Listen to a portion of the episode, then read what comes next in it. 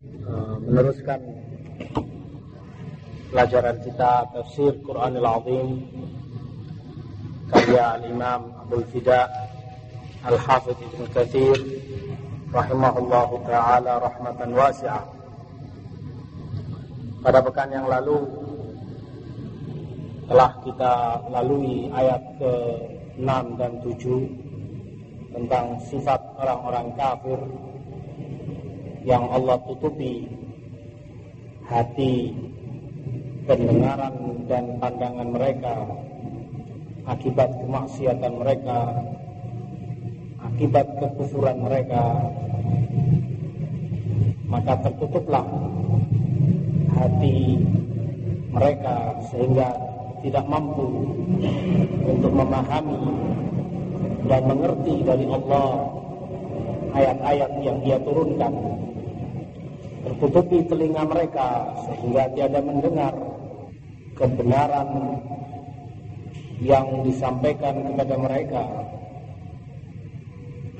Tiada mendengar bukan sekedar pendengaran yang masuk lewat telinga mereka namun tiada mendengar dalam arti tiada mengambil manfaat dari kebenaran yang tersampaikan tertutupi pula mata mereka sehingga tiada melihat bukan melihat dengan mata telanjang namun tertutupi mata mereka sehingga tiada melihat mana yang hak mana pula yang batil tidak memiliki kekuatan untuk menseleksi dan memilah antara kebenaran dan kebatilan. Dan ini pertanda celakanya seorang hamba. Na'udzubillah mendalik ketika tertutup hati, telinga dan matanya sehingga dia jauh dari ilmu jauh dari syariat yang Allah ajarkan kepada Rasulnya tidak cocok hati dia sebagai wadah dari kebenaran yang sangat mulia dan sangat tinggi kedudukannya di sisi Allah Subhanahu wa taala. Setelah itu Allah menjelaskan tentang sifat-sifat kaum munafikin pada mulai ayat yang ke-8 Wa minan nasi man yaqulu amanna billahi wa bil yaumil akhir wa ma hum bimu'minin. Dari sebagian orang ada yang berkata kami beriman kepada Allah dan hari akhir. Padahal kata Allah mereka tiada beriman. Yukhadi'un Allah walladzina amanu wa ma yakhda'una illa anfusahum wa ma yash'urun. Demikian kaum munafikin mencoba untuk menipu Allah dan menipu kaum mukminin. Namun mereka tiada sadar bahwa mereka justru menipu diri mereka sendiri. Nifak, kemunafikan, kata Imam Ibn Katsir rahimahullah, dia adalah izharul khair wa israrul syar. Kemunafikan adalah menampakkan kebaikan tetapi menyembunyikan kejahatan menampakkan kebaikan. Namun dia sembunyikan di balik itu kejelekan. Wahwa anwa dan nifak ini bermacam-macam. I'tiqadi ada nifak i'tiqad nifak yang memang berdasarkan keyakinan Wa alladhi yukhalladu. Dan nifak yang semacam ini yang mengabadikan orangnya di neraka. Mengkekalkan orangnya di neraka. Kalau nifaknya nifak i'tiqad berdasarkan keyakinan. Wa amali ada pula jenis nifak itu amali amalannya amalan munafik wa huwa min akbarid dan ini menjadi salah satu dari dosa-dosa besar. Nifak amal. Nifak amali. Di mana dalam beberapa hadis akan dijelaskan nanti. Rasulullah Shallallahu Alaihi Wasallam mengklaim beberapa amalan itu sebagai amalan munafik. Seperti sabda beliau alaihi salatu wassalam alamatul munafik salah. Ciri orang munafik itu tiga. Idza haddatsa kadzaba kalau dia berbicara dusta wa idza tumina khana kalau diberi amanat dia berkhianat. Wa idza wa'ada akhlaf kalau dia berjanji dia ingkari. Tanda ciri munafik kata Rasulullah.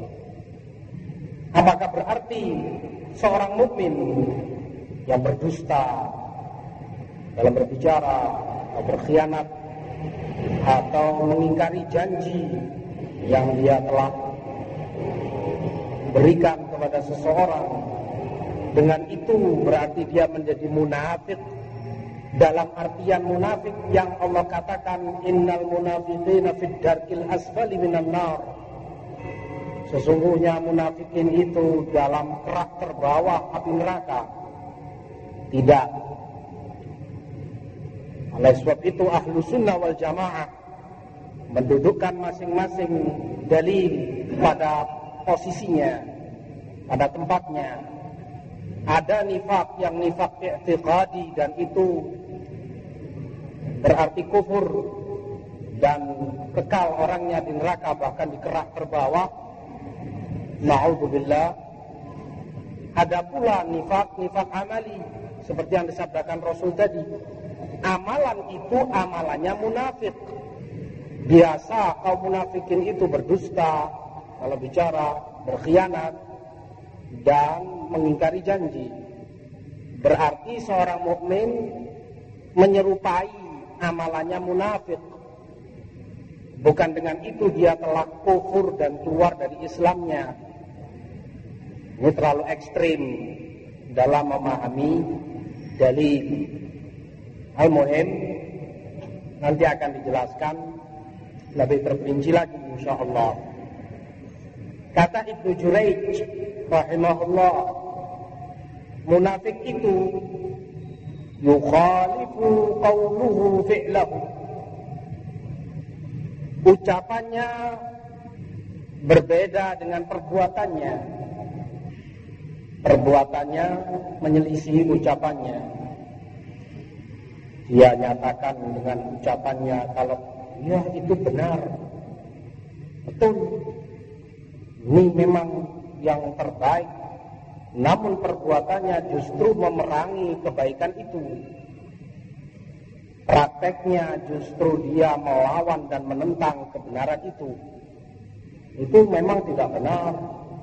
Itu batin salah itu memang keliru ucapannya namun pada amalannya justru dia bela kebatilan itu. Amalannya justru dia melindungi dan mempertahankan kesalahan itu. Munafik. Wasirruhu alaniyatahu. Kata Ibnu Jurayj munafik juga yang uh, yang tampak dari dia berbeda dengan yang ia sembunyikan dalam dirinya. dia simpan dalam hatinya. Wa madkhaluhu makhrajahu. Munafik beda antara yang di dalam dengan yang di luar. Luarnya tampak indah tampak bagus tapi dalamnya busuk wa mashhaduhu maghibahu munafik adalah orang yang berbeda sikapnya di hadapan kamu dengan di belakang kamu. Di hadapan kamu cengangas cenginis senyum-senyum mungkin menampakkan hormatnya menampakkan cintanya loyalnya kepada kamu. Tapi di belakang kamu dia menikam kamu. Dia antipati terhadapmu. Dan dia musuhi kamu di belakang. Kata Ibnu Katsir rahimahullah sifat-sifat munafikin yang ada dalam Quran Al-Karim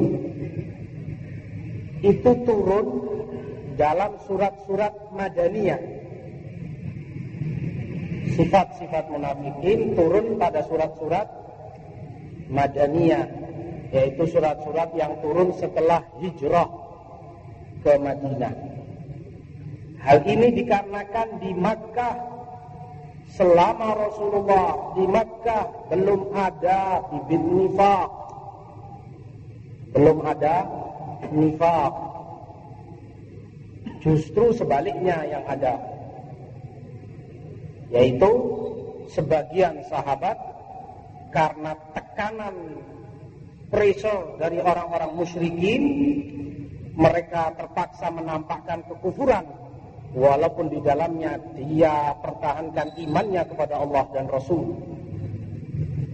Di Makkah justru sebaliknya, terpaksa dia tampakkan kekufuran, kalau tidak akan dipenggal kepalanya, kalau tidak akan dibantai keluarganya, dikejar-kejar dan disiksa, terpaksalah dia tampakkan di luar kufur, namun di hatinya menyimpan iman kepada Allah dan Rasulnya. Itu di Mekah. Tidak ada faktor sedikit pun yang mendorong orang ketika di Makkah untuk berbuat nifak kemudian setelah Rasulullah hijrah ke Madinah Sallallahu Alaihi Wasallam. Dan di Madinah adalah wilayah Ansor baik dari suku Aus ataupun suku Khazraj. Yang mereka ini di jahiliyah dulu sebelum datangnya Rasul para penyembah berhala. Musyrikin mereka. Menyembah patung, menyembah pohon, menyembah kuburan dan di Madinah itu pula terdapat bangsa Yahudi yang menjadi keturunan dari nenek-nenek moyang mereka Yahudi. Di mana Yahudi di Madinah ada tiga suku besar. Yang pertama Bani Koinuka dan Bani Koinuka ini sebagai mitra daripada Khazraj saling berjanji dan sumpah antara Khazraj dan Bani Koinuka kalau salah satu diserang, lainnya membela. Kalau salah satu disakiti, lainnya pun akan membantu. Ini Bani Qainuqa berkomplot dengan Khazraj. Yang kedua suku Bani Nadir dan yang ketiga suku Bani Quraidah. Bani Nadir dan Bani Quraidah yang keduanya sebagai mitra dari suku Aus. Saling bersumpah saling berjanji.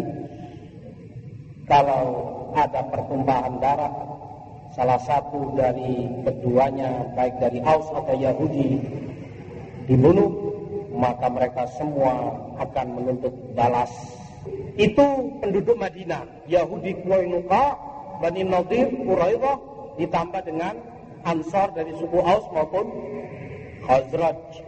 Datang Rasulullah sallallahu alaihi wasallam ke Madinah. Hijrah bersama para sahabat, sama muhajirin.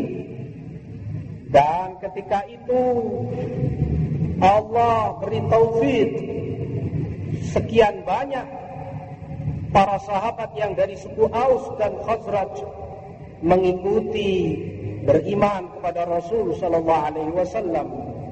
Sementara dari Yahudi sedikit segelintir orang yang mau Islam. Salah satunya adalah sahabi Abdullah bin Salam radhiyallahu anhu. Awal-awal beliau masuk Madinah juga belum ada nifaq dikarenakan kaum muslimin Para sahabat bersama Rasulullah ketika itu masih belum memiliki kekuatan yang e, tampak, kekuatan yang ditakuti. Bahkan justru sebaliknya, dalam sirah diketahui bahwa Rasulullah Shallallahu Alaihi Wasallam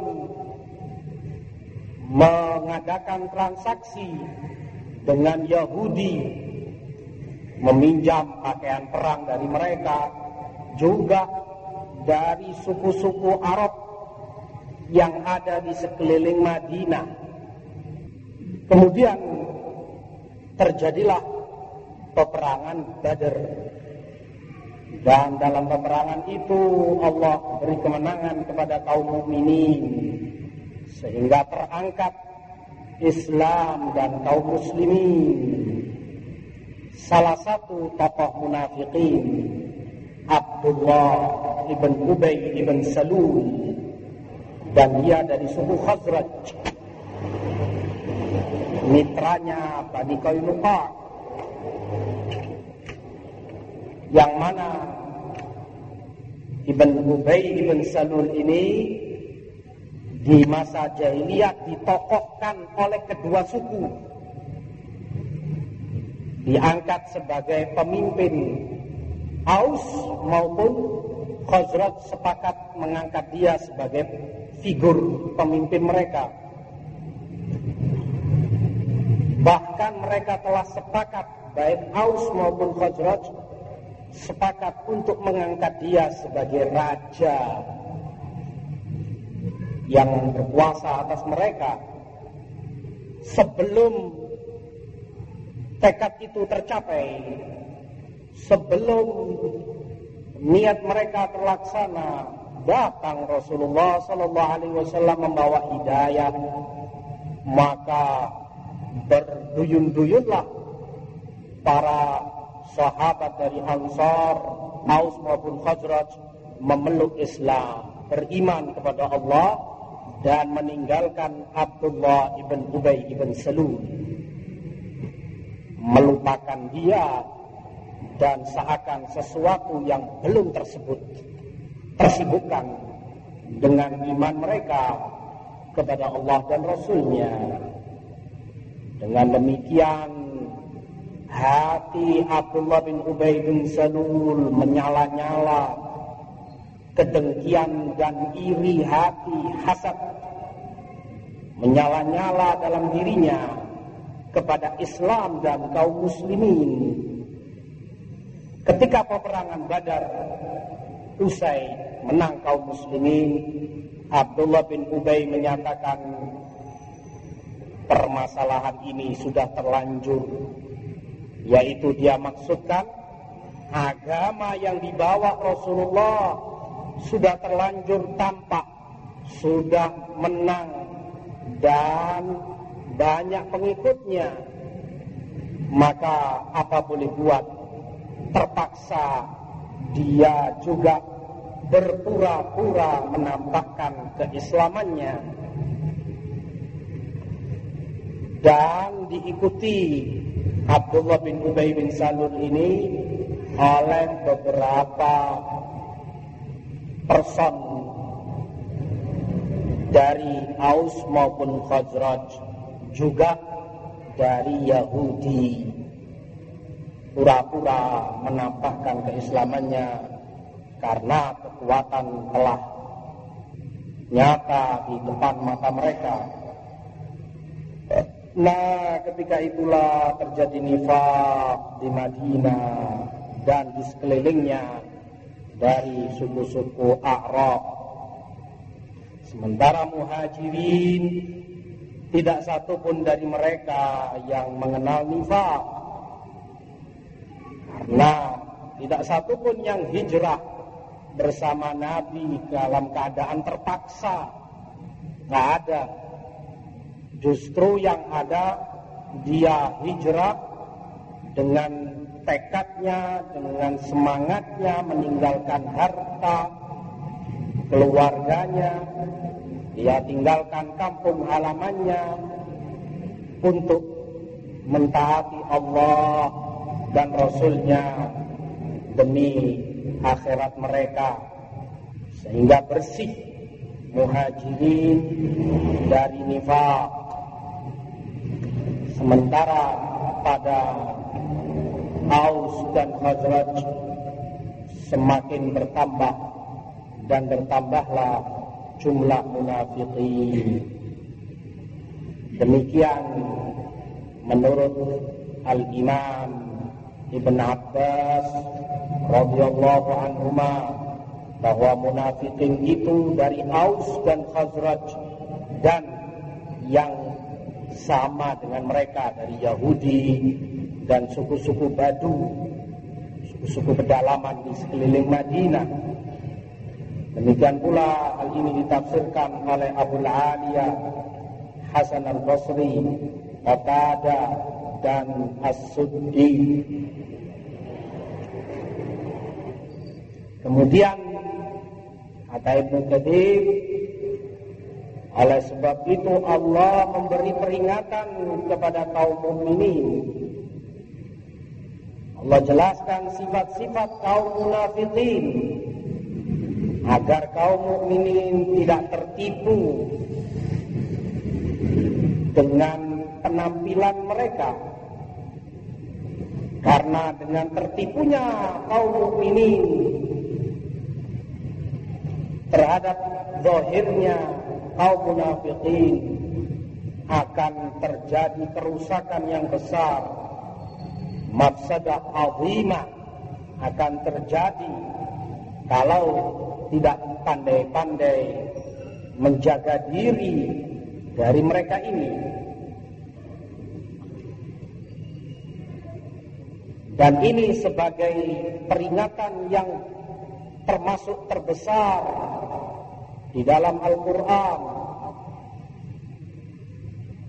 Agar kaum mukminin itu tidak gampang menduga dan gampang mengira.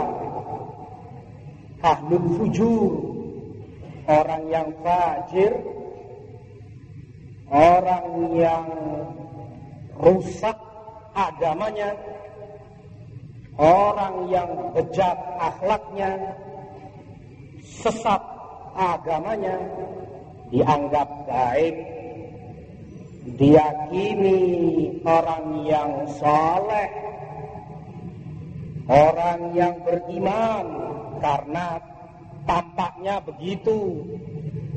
Ini merupakan suatu mafsadah, suatu kerusakan yang besar kalau kaum mukminin terbawa arus tertipu dengan penampilan mereka yang menampakkan kebaikan padahal dia adalah sosok perusak dan menyesatkan umat Islam Demikian Allah peringatkan dalam ayat ini. Wa minan nasi man yaqulu amanna billahi wa bil yaumil akhir wa ma hum bimumin.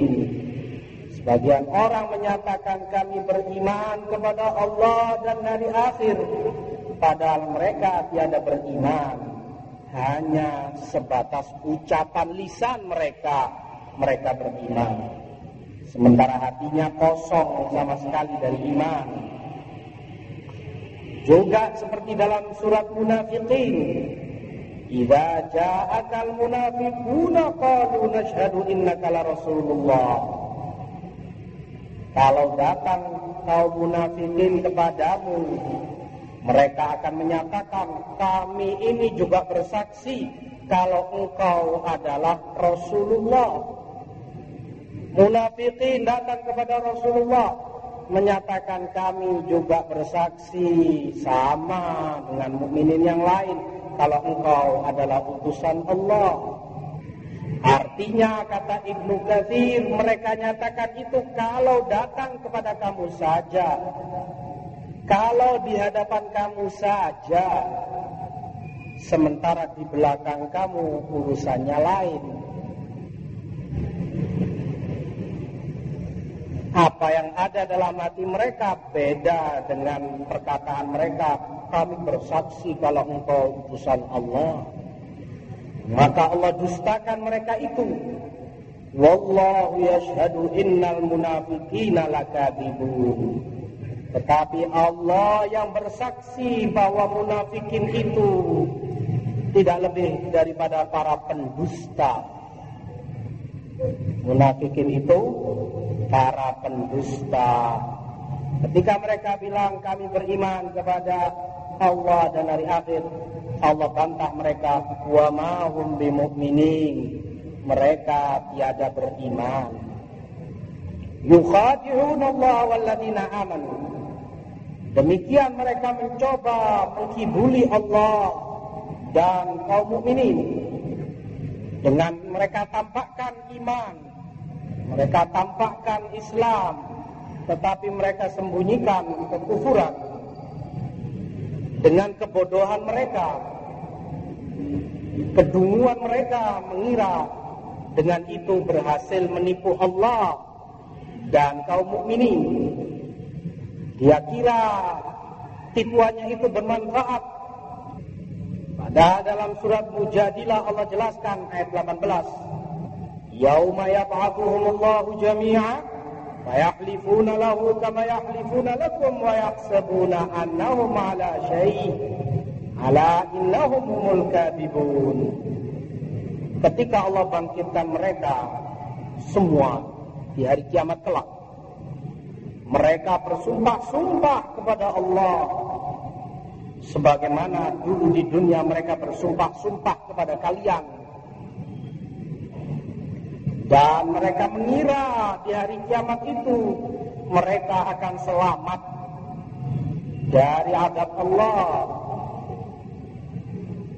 Ala innahum humul. Tetapi kata Allah, keliru. Salah apa yang mereka duga. Dusta mereka kalau selamat dari adab Allah. Oleh sebab itu Allah bantah keyakinan mereka itu dalam ayat wa ma illa anfusahum wa ma. Mereka tidak menipu kecuali kepada diri mereka sendiri tetapi tidak mereka sadari. Seperti dalam surat An-Nisa ayat 142. Innal munafiqina yukhadi'una Allah wa huwa khadi'uhum. Kaum munafikin itu mencoba menipu Allah tetapi Allah yang membalas tipuan mereka itu. Kata Imam Ibnu Jarir At-Tabari rahimahullah, kalau Anda bertanya, bagaimana mungkin seorang munafik bisa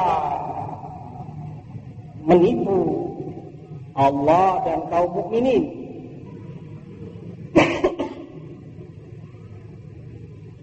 Padahal apa yang dia ucapkan dengan lisannya berbeda dengan keyakinannya sebagai takiyah saja. Jawabannya kata beliau bahwa orang Arab dalam bahasa Arab boleh dinamakan orang yang menampakkan dengan lisannya apa yang berbeda dengan keyakinannya. Dinamakan sebagai tatiyah agar dengan maksud selamat dari yang dia khawatirkan. Dia tampakkan dengan ucapannya sesuatu yang berselisih jauh dengan keyakinannya untuk selamat dari yang ia takuti. Demikian pula orang munafik. Dia tampakkan apa yang dengan lisannya berbeda dengan hatinya sebagai takiyah agar selamat dari yang mereka takuti yaitu kekalahan karena sudah nyata perang badar hancur lebur mereka. Diluluh lantakkan oleh Rasulullah dan para sahabatnya. Mereka takuti kalau mereka tetap kufur akan ditangkap dan dibunuh karena kekufurannya. Mereka takuti akan disandra oleh kaum muslimin kalau tetap kufur sehingga menjadi budak dan hamba-hamba sahaya. Mereka takuti kalau tetap kufur akan tertimpa azab di dunia ini Karena mereka takuti itu semua terpaksa mereka tampakkan imannya, Islamnya secara lisan saja sebagai tidak lebih daripada formalitas. Kamuflase di hadapan kaum mukminin.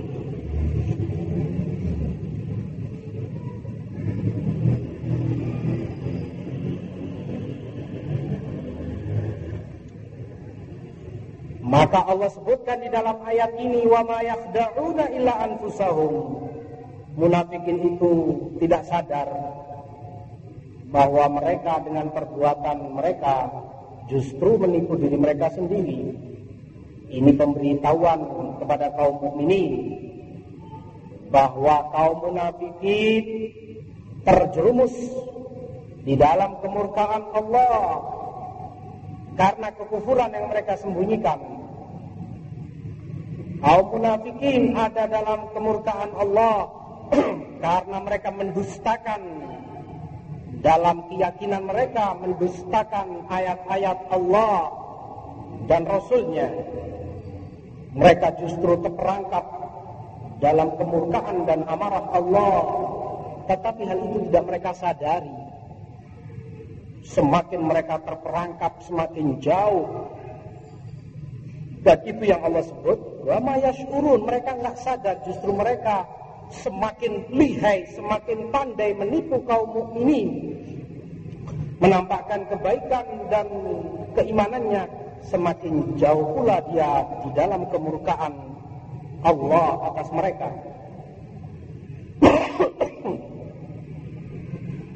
Kata Imam Ibnu Juraij, yukhadi'un Allah, mereka berusaha menipu Allah dengan mereka mengucapkan la ilaha illallah. Hanya sekedar untuk selamat dari darah dan harta mereka. Supaya tidak terbunuh, tidak diperangi dan tidak dirampas sebagai ghanimah harta-harta mereka.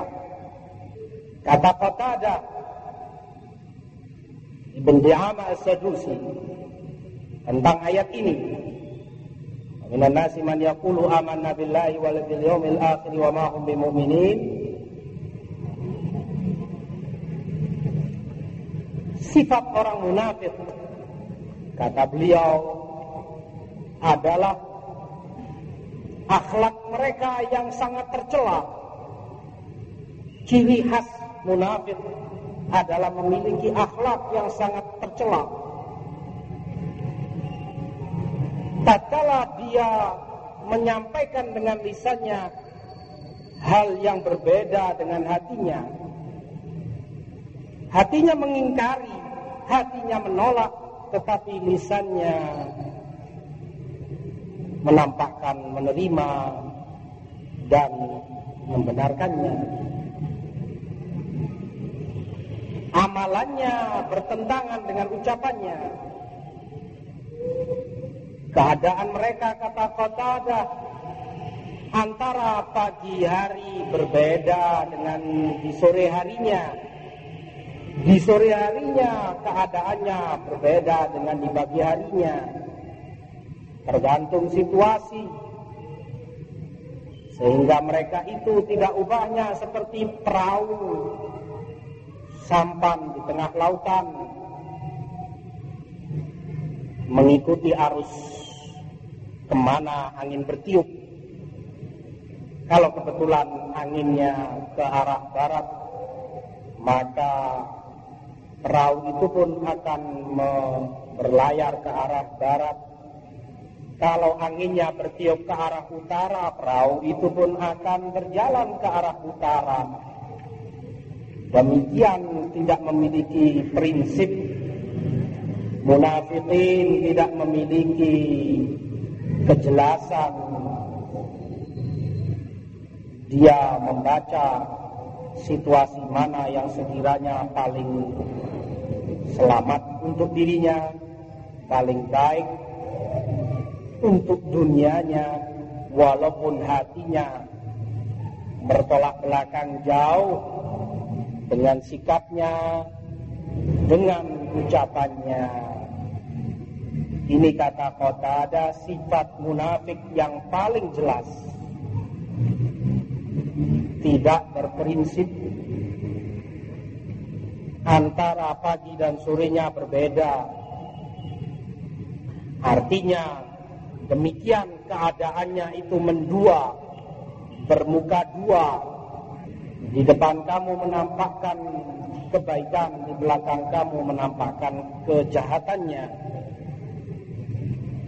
Di hadapan kamu dia Pastikan kamu kalau dia termasuk yang loyal kepada kamu. Tetapi di belakang kamu justru dia orang yang alat khisam. Yang paling gencar permusuhannya kepada kamu. Munafik. Beda antara keyakinannya dengan amalannya. Beda antara keyakinannya dengan lisannya. Sifat tercela dari munafik demikian Allah sebutkan agar kaum mukminin terhindar dan waspada dari sifat tercela ini.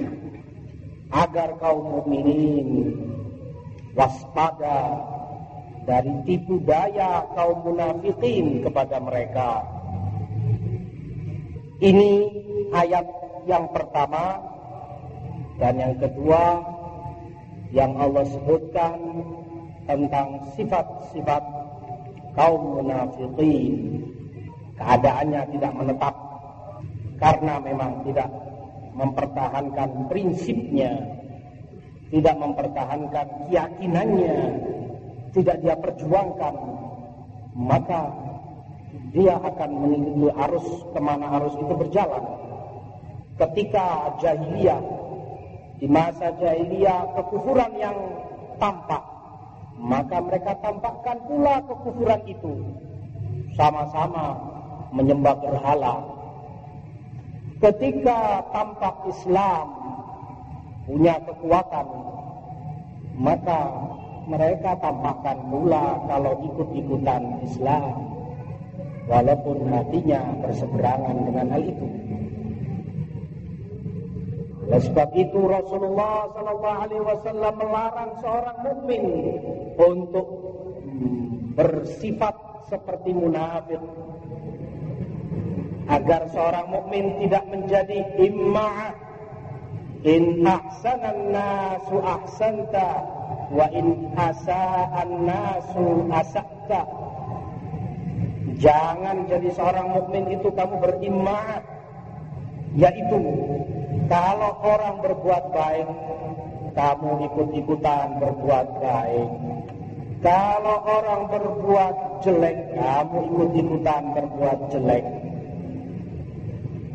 tergantung angin ke mana bertiup asal ikut asal berjalan agamanya diperdagangkan mana yang lebih tinggi tawarannya dia jual agamanya kepada orang itu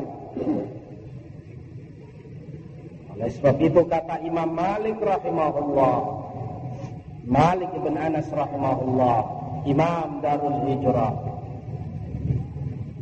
Man ja'ala dinahu urdatan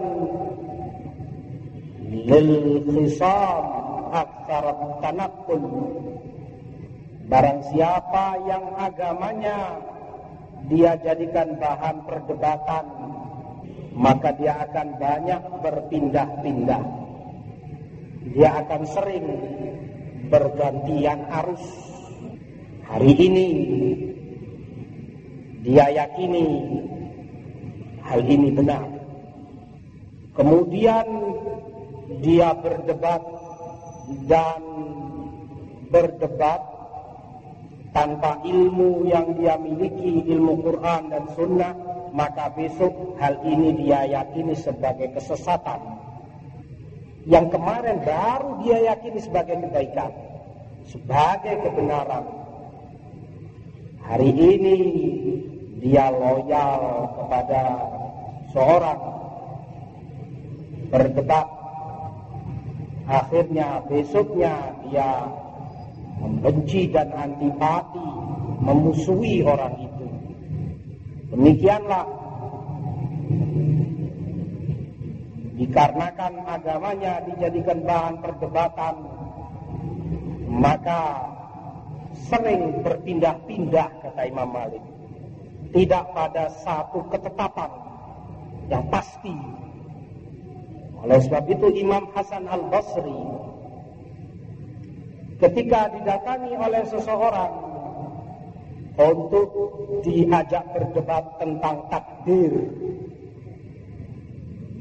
Orang ini meyakini segala sesuatu itu tidak ditakdirkan, terjadi dengan sendirinya. Kata Imam Hasan Al-Basri, "Ana ala basiratin fi dini." Saya sudah yakin saya di atas cahaya dalam agama saya.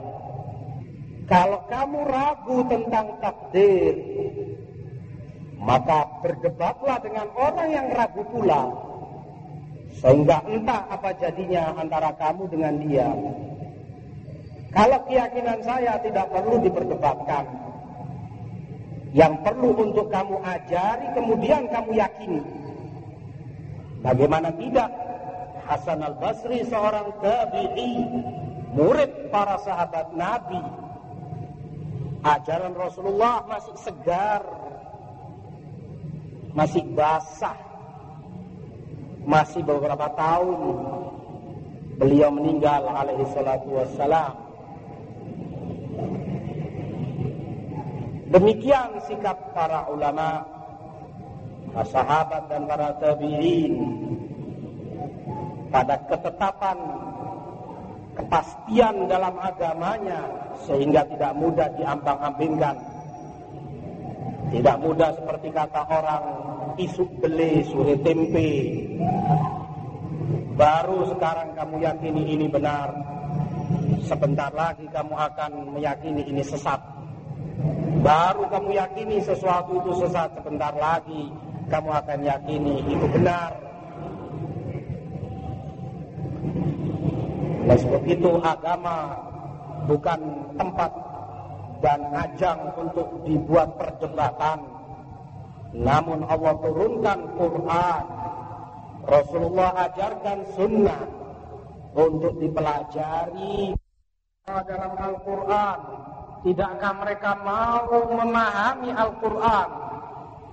Berusaha untuk mengerti, mempelajari ayat-ayat Allah, hadis-hadis Rasulullah ataukah hati mereka sudah terkunci, tertutup rapat sehingga tidak mampu dimasuki oleh kebenaran itu.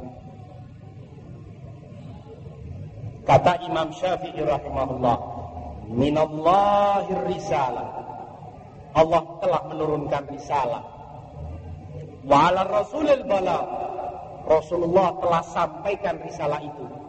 Beliau bertugas menjelaskan dan menyampaikan mengajarkan kepada umatnya. Allah, Rasul sudah selesai. Tinggal kita kata Imam Syafi'i wa alaina taslim. Tinggal tugas kita adalah menerimanya, mengaji, mempelajarinya, memahaminya, kemudian mengamalkannya. Wallahu taala alam bisawab.